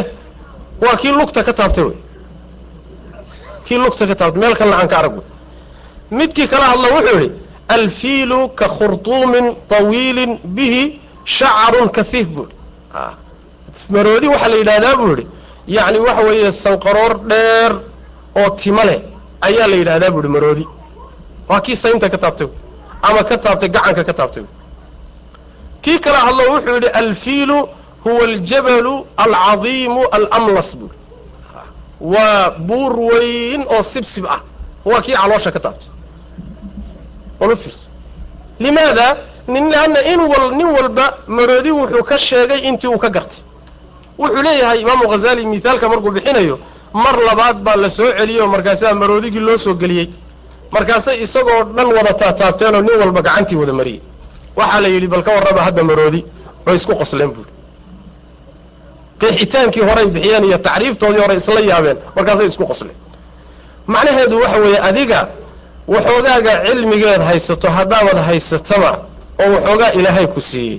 Waxaad ogaataa cilmigu inuu ballaaran yahoo gudaweyn yahay isla markaasi kaas ku khilaafsan ee kaa soo horjeeda muxuu haystaa inaad miisaan saartay u baahantay. Maha inaad tidhahdo dadku ha soo wada galaan waxoogaagaan anigu garanayo. Ninkii khilaafana waxa weeye darishadda inaad kala baxda maaha sax maaha dariiqadana dariiqo macnaha waxa weye sawaaba maaha waa in wixii miisaan saxa la saaro weye masaa-isha diinta iyo maraatibteedu markaa ka hadlayo masaa-isha diinta maxaa laysku tabdiiciyaa maxaa laysku takfiiriyaa maxaa ijtihaad aqbali kara maxaa wajahaatu nadarku isku khilaafsanaan karaan oon baas lahayn khilaafka noocyadiisa. Yacni masaa-ishii inaad garatood miisaanta waxay u baahan tahay aqoon inaad leedahay haddii laakiin waxoogaagaad aragtay uun aad macnaha waxa weye dadkii la dabagashaay mushkilo dhibaatadeeda wey maana waana runtii waxa weye daahiro jirta wey quluwga waxaa ka mid a maalan yacni waxa weeye ruuxii aad iskhilaafsanaydeen oo masaa'il mucayana aad isku khilaafsanaydeen guud ahaan inaad uga beri noqotood dulmido. Inaad dulmido tacaddi ku samayso ood ku xadgudubto. Cadaawad aad u qaato. Bimujarad inaad iskhilaafsantihiin oo masaa'il isku khilaafsantihin inaad cadaawad u qaato. Sheekhu islaam ibnu taymiya caleyh raxmat ullah ayadda qur'aanka markuu fasiraya walaa yajrimanakum shana'aanu qawmin cala an laa tacdiluu icdiluu huwa aqrabu litaqwa rabbi wuxuu yihi yuusan idinku xambaarin. Colaad iyo cadaawad aad dad u haysaan inaad cadaaladda ka tagtaan yayna idinku xambaarin. Cadaalad sameeya sidaasaa u dhowaansho badan buu rabbi yihi subxana wa tacala aayaddaa markuu fasirayey ibnu taymiya caleyh raxmat ullah wuxuu yidhi wa hadihi alaayatu nazalat bisababi bugdihim lilkufaar wa huwa bugdun ma'muurun bihi albugdu aladii amara allahu bihi qad nuhiya saaxibuhu saaxibuhu an yadlima man abgadahu fakayfa fii bugdi اlmuslim bita'wiilin wa shubhatin aw bihawa nafsin fahuwa axaqu an laa yudlam bal yucdal calayhi bui bal yacdilu calayhi aw yucdal calayhi macnaheedu waxa weeye wuxuu yidhi aayaddaasi rabbi uu leeyahay colaad aad dad u haysaan iyo cadaawad idinka dhaxaysa yaynan idinku xambaarin cadaaladda inaad ka tagtaan kuwa laga hadlaya waxay ahayn gaalo ay necbaayeen. Nacaybkoodana ilaahay baa faray. Kuwii ilaahay yidhi nacaybkooda uu faray hadduu leeyahay nacaybkooda yuusan ka dhalanin xadgudub. Inaad dulmidaan ku xadgudubtaan. Maxaad u malaynaysaa buu leeyahay ruux muslim ah oo adiya adi isagu aada iskhilaafteen. Shubha ku dhalatay ta'wiil ku dhashay maalan hawa nafsi naf qaaday iyo hawadeeda aada isu khilaafteen. Haddiiba la leeyahay gaalkii nacaybkiisa laysfaray nacaybkiisu yuusan kugu xambaarin cadaaladda inaad ka tagto mu'minkii ama muslimkii khaldamay maxaad u malaynaysaa buuri ibnu taymiya caleyh raxmatullah yacni waa ka sii xag jiraan waa ka sokeeyaayo wuxuu u baahan yahay in aadan macnaha waxa weeye cadaawaad rasmiya aadan u qaadin bal wixii inaad kala saartay u baahantay rasuulkeena salawaatu rabbi wasalaamu calayh saxaabadiisa qaar baa khaldami jiray. Intuu noolaa isla markaa haddana nebigu wuxuu kala qaadi jiray shaksiga iyo ficilka. Xaadiadii maalan khaalid ibnu waliid nimankii reer beri judayma markii uu laayay niman gaalaa bay ahaayeen wuu u tegey qabiil bay ahaayeen waxay garan waayeen inay islaamaan bay damceen kelimadii ay ku islaami lahaayeen baa ka khaldantay. Markaasaa waxay yidhahdeen saba'naa saba'na. Meeshii laga rabay inay dhahaan aslamnaa aslamnaa baa waxay dhahdeen saba'naa saba'na iyagu islaamay isleeyihiin laakiin kelimadii baa ka qaldantay khaalid uma abayeeline sutidu u qabtay markaasuu laayay. Nabigu sal lay waslam arrintii markay soo gaadhay wuxuu yidhi allaahumma inii abra'u ilayka mima sanaca khaalid. Ilaahu waxaan kaaga beri ahay khaalid wuxuu sameeyey. Dadkaas uu laayay iyagoo islaamay ilaahu arrintaa beri baan kaaga ahay. Nebigu ma dhihin allaahumma inii abra'u ilayka min khaalid lianna farqi baa u dhexeeya shaksiga muslimka ah iyo camalkiisa camalkiisu hadduu khaldan yahay waad ka beri noqon cala aliطlaaq amaa isaga shaksiyadiisa intuusan gaaloobin baraa'a mutlaqa ma leh baraa'a mutlaqa laakiin muxuu leeyahay baraa'a juz-i ah kolba intuu iimaanka u jiro ayaa laga beri noqonaya ya macnaha waxa weeye la yani la siinaya muwaalaadka la siinaya kolba intuu iimaanka ka durugsan yahay baa laga beri noqonaya laakiin ruux mu'mina dembigu intuu dooni hala gaadho macsiyadu intay dooni hala gaadho oo si buuxda looga beri noqonayo oo si buuxda loola coloobayahay ma uu jiro. Haddii aan manhajkii salafka ridwaanullahi calayhim iyo kitaabkiiyo sunnada aan laga baxaynin hadalkaa wuxuu ku leeyahay sheekhu islaam ibnu taymiya kitaabkiisa minhaaju sunna nabawiya mujalladka shanaad safxada boqol labaatan iyo toddoba ayuu ku leeyahay. Waxaa ka mid a quluwiga walaalayaal in ruuxa hadalkiisu wuxuusan aqbali karin aad ku xambaarto waxyaalo aad adigu jeebkaaga kala timi inaad ruuxa dusha ka saarto. Oo aad ku been abuurato. Oo aad dulmido. Arrintaas oo iyadana aan bannaanayn. Ruuxa caadigana kuma bannaana. Ruuxa muslimkaana kuma bannaana. Culimadana kuma bannaana. Ducaaddana kuma bannaana. Iftiraa iyo xadgudub ma bannaana. Haddaad ruuxan yacni waxa weeye mas'ale mucayan ah ama khalad ka dhacay aada baraarujinayso. Ku ekow khaladka uun baraarujintiisa. Laakiin shaksiyaddiisa inaad durto ood nawaayaadkiisa gasho oo tidhaahda qasadkaasuu lahaa oo tidhaahda saasuu u jeeday oo yacni waxa weeyaan meel aan laguba dirsaninba aada abaarto oo hadalkiisi intaad ka badbadito wuxuusan dhin aad dusha ka saartahay. Hadda taasi waxa weeye ilaahay subxaana wa tacaala mu'miniinta caadigaana uma ogola. Xataa gaaladuusan ilahay u ogolayn subxana wa tacala gaalka dil gartiisana si ilahay dulmiga ma ogola subxana wa tacala inii xaramtu dulma calaa nafsii buu rabbi yihi subxana wa tacala wajacaltuhu fii ma baynakum muxarama naftayda dulmi waan ka xarimay dhexdiinana xaaraan baan ka dhigay. Wuu ikhilaafsan yahay ama waa mubtadic. Ma keenayso mubarirna uma aha sababna uma aha inaad ku xadgudubto. Sax bidcadiisaa ka aamusnin baraaruji khalad wuxuu galay ummadda u cadde. Yaan lagaga dayanin yaan la raacin taa nina lagu mujaamalayn maayo laakiin isaga oo khaladka galay haddana xadgudub lama ogola. Sinaba dulmina lama ogola. Iftiraa iyo been abuuradna lama ogola. Ibnu taymiya caleyh raxmat ullahi arrintaa markuu ka hadlayay wuxuu yidhi wamacluumun ana shara alkufaari waalmurtadiina waalkhawaarij acdamu min shari adaalim waxaa macluuma buuhi oo la og yahay gaalada iyo murtadiinta iyo khawaarijta in ay ka wen yihiin daalimka sharkiisa inuu sharkoodu ka wenyahy wa ama idaa lam yakunuu wuxuu ka hadlayay mubtadicada markaas oo hadalkiisu soo socday. Wa ama ida lam yakunuu yadlimuuna almuslimiina wاlmuqaatilu lahum yuriidu an yadlimahum fahada cudwaanu minhu falaa yucaawanu calaa cudwaan buuri mid baa wuxuu leeyahay qoladan waa mubtadica oo waalaynaya. Wuxuu leeyahy shekhu islam ibnu taymiya caleyh raxmat ullah warheedha gaalka iyo khawaarijta iyo murtadiinta ayaa ka shar badan. Wa maca dalika sharka ay hayaani waa ka wen yahay. Mubtadicadani haddaynan muslimiinta dulmiyeyn ka la dagaalamaya iyaga dulminaya ku xadgudbaya in la caawiyo oo loo kaalmeeyo lagu garab siiya ma bannaano buu leeyay bimujarad waa mubtadica un.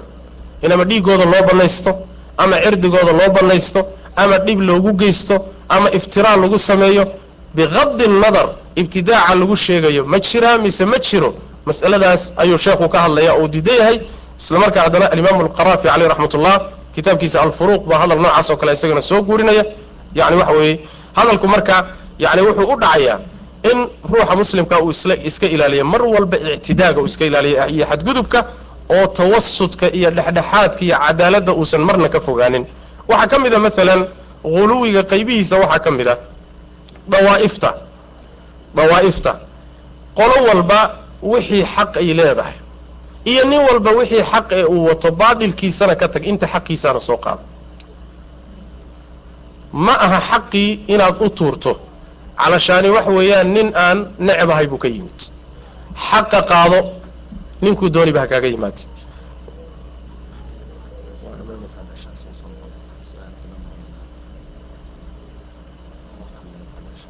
haday dadku soo noqon karaan hadday dadku soo noqon karaan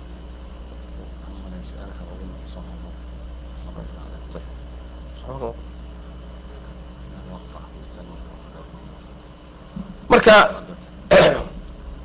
qodobkaas oo ah macnaheedu waxa weeyaan in dawaa'ifta kala gedisan haddii ay tahay qoladii madaahibta hadday tahay asxaabu ra'yiga haddii ay tahay maalan waxa weeyaan dawaa'iftan kaleeta ee kala gedisan mid walba macahu xaqun wa batil mid walba macahu xaqun wa batil mid walba xaqa la jirana qaado baatilkiisana ka tag.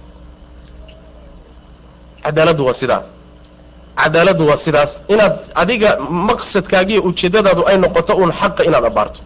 Dawaa'ifta iyaga ana inaad insaaf u samayso oo aadan cadaaladda ka gudbin. Wuxuu leeyahay ibnulqayim caleyh raxmat ullah wallahu tacaala yuxibu alinsaafa bal afdalu xilyatin taxallaa biha alrajulu khusuusan man nasaba nafsahu xakaman bayna alaqwaali walmadaahib waqad qaala tacaala lirasuulihi waumirtu liacdila baynakum فورثة الرسول صلى الله عليه وسلم منصبهم العدل بين الطوائف وأن لا يميل أحدهم مع قريبه وذوي مذهبه وطائفته ومتبوعه بل يكون الحق مطلوبه يسير بسيره وينزل بنزوله ويدين بدين العدل والإنصاف بلي هذا الآن قيمة بنوي وحليه الله وحوشعليه هي عدالة شيء الروح مسلم كاسكو قرحيانا وعدالة خاصة ننك إسو تاغي inuu hadallada iyo madaahibta iyo dariiqadaha la kala maray inuu kala xukumo ruuxa isu taagaya cadaalad inuu isku qurxiyo wey rabbina rasuulkiisa wuxuu ku yidhi waxaad tidhahdaa waxaa lay amray inaan dhexdiinna cadaalad u sameeyo. Rasuulka dadkii dhaxlay oo culimmada iyo dadka raacsan ah wuxuu leeyahay mansibkooda iyo derajadooda iyo maqaamkooda waxa weeye inay dawaa'iftaas cadaalad u sameeyaan. In aadan midna adiga u ilanin qaraabadaadii maalan waxa weeye kii madhabka aad isku waafaqsanaydeen kooxdaadii iyo xisbigaagii kii aad raacsanayd iyo sheekhaagii inaadan u iilanin oodan xaqii uga tegin bal inuu noqdo waxa adiga aad raadinaysaay inuu noqdo xaq. Meeshii xaqu uu socdona waad socon meeshii xaqu istaagana waad istaagi cadaaladda iyo insaafkaasaadna ilaahay diin uga dhiganaysa. Insaafkaas iyo cadaaladaasaad ilaahay subxaana wa tacaala diin uga dhiganaysa.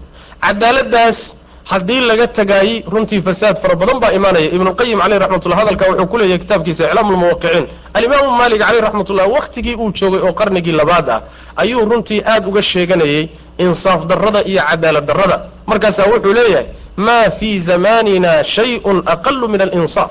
Sida ibn cabdilbar caleyh raxmatullah uu ku keenay jaamicu bayaani bayaani alcilmi wa fadlihi.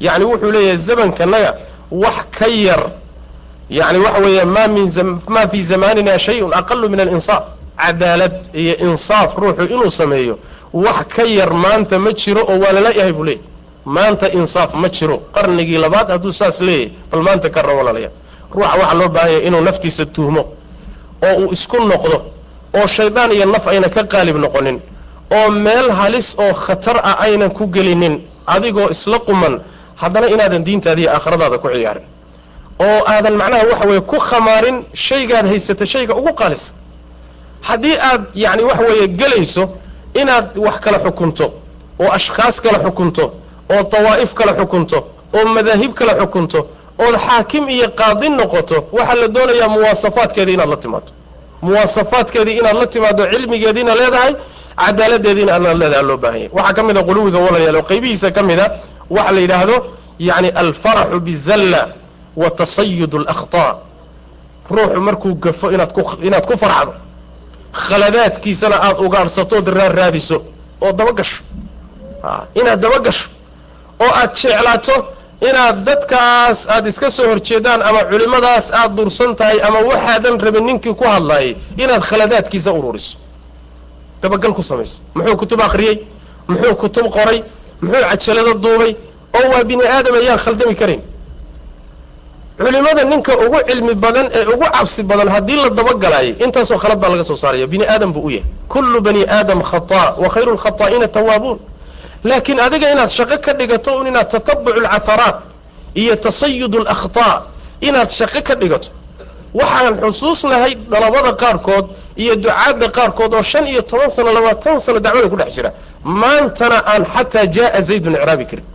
Jaaa zaydun intaa wuxuu daba ordayaa risaalaa soo baxday hebel baa hebel radiyey hebel baa hebel ka takhallusay hebel baa hebel gaadhcas u dhiibay hebel baa hebel sidan ku sameeyey duula cimri waxaasuu ka shaqaynaya markaasuu dadkiina yani waxa weeye wakhtigiisiina ku ciyaaray mustaqbalkiisiina ku ciyaaray laa cilmi buusan haynin walaa aakharuuna haynin walaa waxa weye wax u nabadgalay baa yar. Marka adiga dadkan akhdaadooda iyo zallaadkooda laguma dirine wixii ku caddaadanaad cilmi u leedahayna caddee oo bidcaha ka aamusa laakiin khalqigan inaad dabagashaay yaa kuu dirsaday. Wamaa ursiluu calayhim xaafidiin. Yaa xifdi ku yidhi adiga khalqigan yaa kuu dirsaday oo dabagal ku yidhi.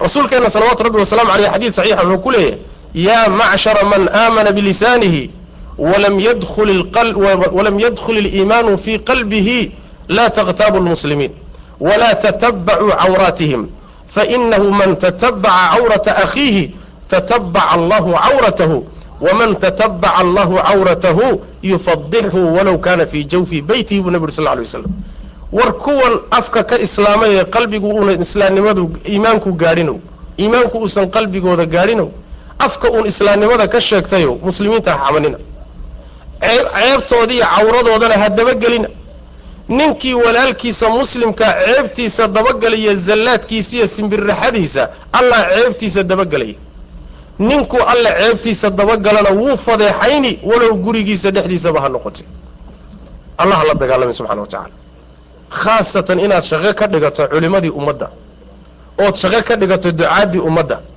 oo meesha aad yacni waxa weeye gashaayey waa meel aad iyo aad halis u ah ruux kastoo musliman inuu iska ilaali loo baahanya maanta culimmadii waxay qarka u saaran yihiin kanna in baa ka soo horjeeda. Inta ka soo horjeeda cirdigiisa way bannaysanayaan yacni waxa weye zallaadkiisii bay raadinayaan gafkiisii bay ururinayaan waa duubayaan waa baafinayaan. Kanna qolo kalaa dhanka ka soo jeedo isagana sidoo kale ku samaynaysa culimmadii waxay u dhaxaysaa talaacub yani dalabatulcilmigii iyo dhallinyaradii inay ku ciyaaraan. Oy noqoto sidii ul marna xagga loo tuurayo marna xagga loo tuurayo. Yacni manhaj waxa weeye caqiim ah oo marnaba salaf iskaba dhaafay aan meel la waafaqsanayn. Culimmada qadarintoodii iyo qiimayntoodii ninka caalimka waa gafi karaa zallaa ka dhici karta hafu waa ka dhici karta bini aadam buu u yahay laakiin maxaa la doonayaa? Adiga haddii wax ka qaatay uusan jirinna astur. Dad ka qaatay oo ibtilaysan oo ku ibtilaysan hadday jiraanna usluub iyo aadaab ku baraaruji oo bidcadiisa ku caddee laakiin zallaadka ha dabagelin khaasatan awliyada ilaahay subxaana wa tacaala. Sidaa xadiidulqudsiga rabbi ku yidhi subxaana wa tacaala man caada lii waliyan faqad aadantuhu bilxarb weli awliyadayda ka mida ninkii colaad u qaado la collaytama dagaal baan ogeysiinayaa bu rabbi ilahi subxana wa tacala war khalqigan waa awliye ilaah yaa waya awliyada ilaah awliyada ilaahay aladiina aamanuu wa kanuu yattaquun. Alaa ina awliyaءa allah laa khawfun calayhim walaa hum yaxzanuun man hum aladiina aamanuu wa kanuu yattaquun ruuxan mar haddii iimaan iyo alla kacabsi laga helaayay waa weli ilaah haddaad dagaal iyo dabagal iyo ceebayn aad ka shaqaysaay ilaahay subxaana wa tacaala baad dagaal la gelaysaa ee halays ilaaliya dhallinyarow waa meesha uu leeyahay ibnu casaakir caleyh raxmat ullah alxaafid ibnu casaakir yani uu leeyahay luxuuma alculamaai masmuuma culimada hilibkoodu waa sumaysan yahi ilaahay baan ku dhaartay waxaan goobjoog u soo ahaa. Dhalinyaro fara badan oo markay dalabka bilaabeenba shaqo ka dhigtay culimmada duridooda iyo wax ka sheegidooda maantana lagu shakisan yahay ma tukadaan mise ma tukadaan? Akthar min waaxid baan garanaya limaada? Lianna ilaahay subxaana wa tacaala dadkiisaas hadday kaa baxsan waayaan waxay u badan tahay sidaa uu tilmaamaya ibnu casaakir khaatimo xumo inaad ku dhimato. Oo khaatimadu kaa xumaato. Oo diin xumo aad ku dhimato sidaas daraaddeed meeshu waa muctarag khatar eh ha isku gelin haddaad gelaysana cadaalad iyo cilmi ku gal. Sida sheikhulislaam ibnu taymiya caleyh raxmatullahi uu leeyahay yacni waxa weeyaan ahlu sunnuhu dadka aqwaashooda markay miisaamayaan oo ka hadlayaan oo naqdinayaan innamaa yatakallamuuna bicilmin wa cadlin. Labadaa tiir hadduu mid ka mida kaa lumaayo bas wey adoo isla qumanood isleedahay waad quman tahay. Ayaad haddana waxa weeye runtii waxa weeye meel xumaad ka dhacaysa. Waxaa ka mid a oo aan ugu dambaysiinaya waxaa la yidhaahdo alcujbu bira'yi inuu ruuxu ra'yigiisu la qumanaado oo isagu uu wuxuu rumaysan yahay intuu madaxu la weynaado uu yidhaahdaba wixii adiga kaa soo hadhayba waa gabsan yahay. Nabigu wuxu uhi sal lla alay wasalam ruuxuu yidhaahda dadku waa halaagsamaan fa huwa ahlakahum buu uri sal lla alay slam taskiyatu nafs iyo cujbi iyo inaad isu aragto adiga mooyaane wixii kaa soo hadhayba waa khaldanya ood markaasi xaakim noqotaay waa arrin halis.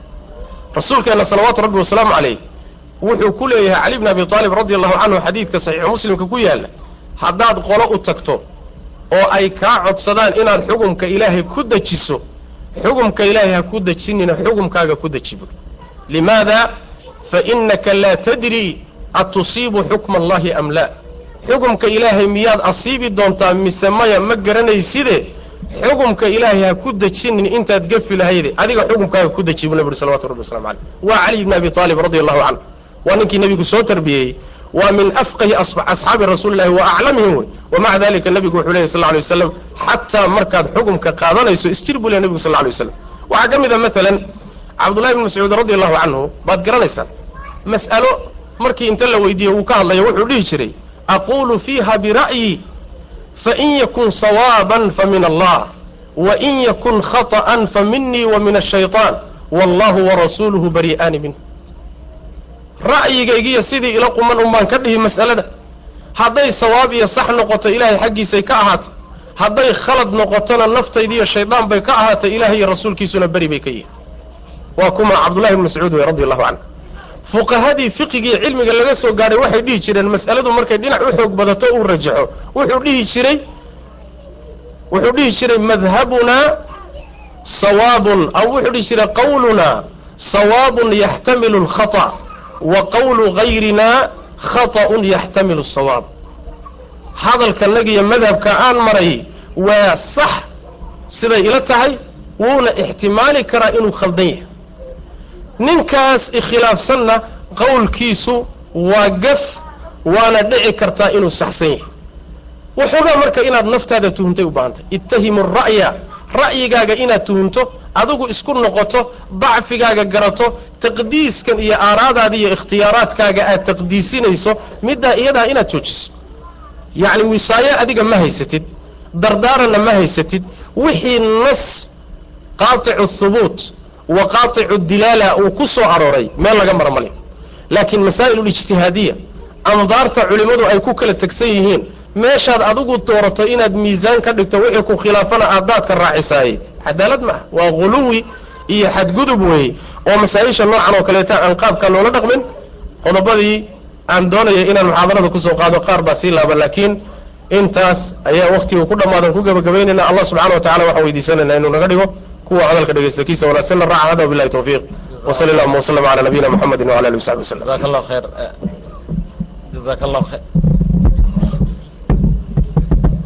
eh, wax yar wax yar si fiican dhagaha maaragtay u dhagaysta bidn illahi alkariim eh, sheekheena allah ka abaalmaryo muxaadarada qayimka ah. Hadda salaadii baan aadaynaa.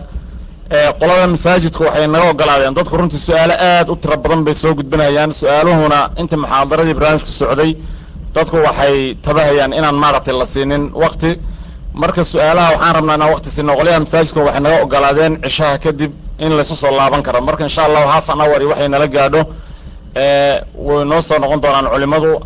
Marka haddii aan laydmo su'aalaha u soo noqda haddii aan laydmo sidoo kale barnaamij aad muhiim u ah baa jira subax walba tobanka subaxnimo laga bilaabo tobankii barka laga bilaabo. Barnaamij aad muhiim ah oo dadka ducaadda iyo shabaabka dacwada muhiim u ah oo mashaa'ikhda qaar ka mida ay bixinayaan oo training iyo workshop ayaa jira hal la yimaado iyo halkan qureec free oo aad u fiicanna way jirtaa baa la yidhi maarata marka barnaamijkaasa laga faa'idaystay inkastoo iyagoon ognahay inay berri ay weekend tahay oo maarata shaqayn jirin arrintaa ku dadaala wax badan baad ka faa'iidaysaan insha allahu tacaala. Waa ten thirty iyo halkan maalin walba inta barnaamij ka hadha insha allahu tacaala. Asalaamu calaykum waxaan intaa ku sii dari lahaa walaalaha reer khaalid iyo reer toronto. Walaalkeen nin ah oo waxaa jiray keliyaha laga bedelayey oo qaliin gelayay khamiistii sheekh maxamuud foolcadde qaliinkiina wuu najaxay aad buuna u fiican yahay. marka waxaan idinka codsanaya dhammaantiinna u soo ducaysaan. Salaada intaa ku jirtaan insha allah jazakum khayr. Fathers, inshallah, please find your sons and hold on to them for the salah. Fathers, find your sons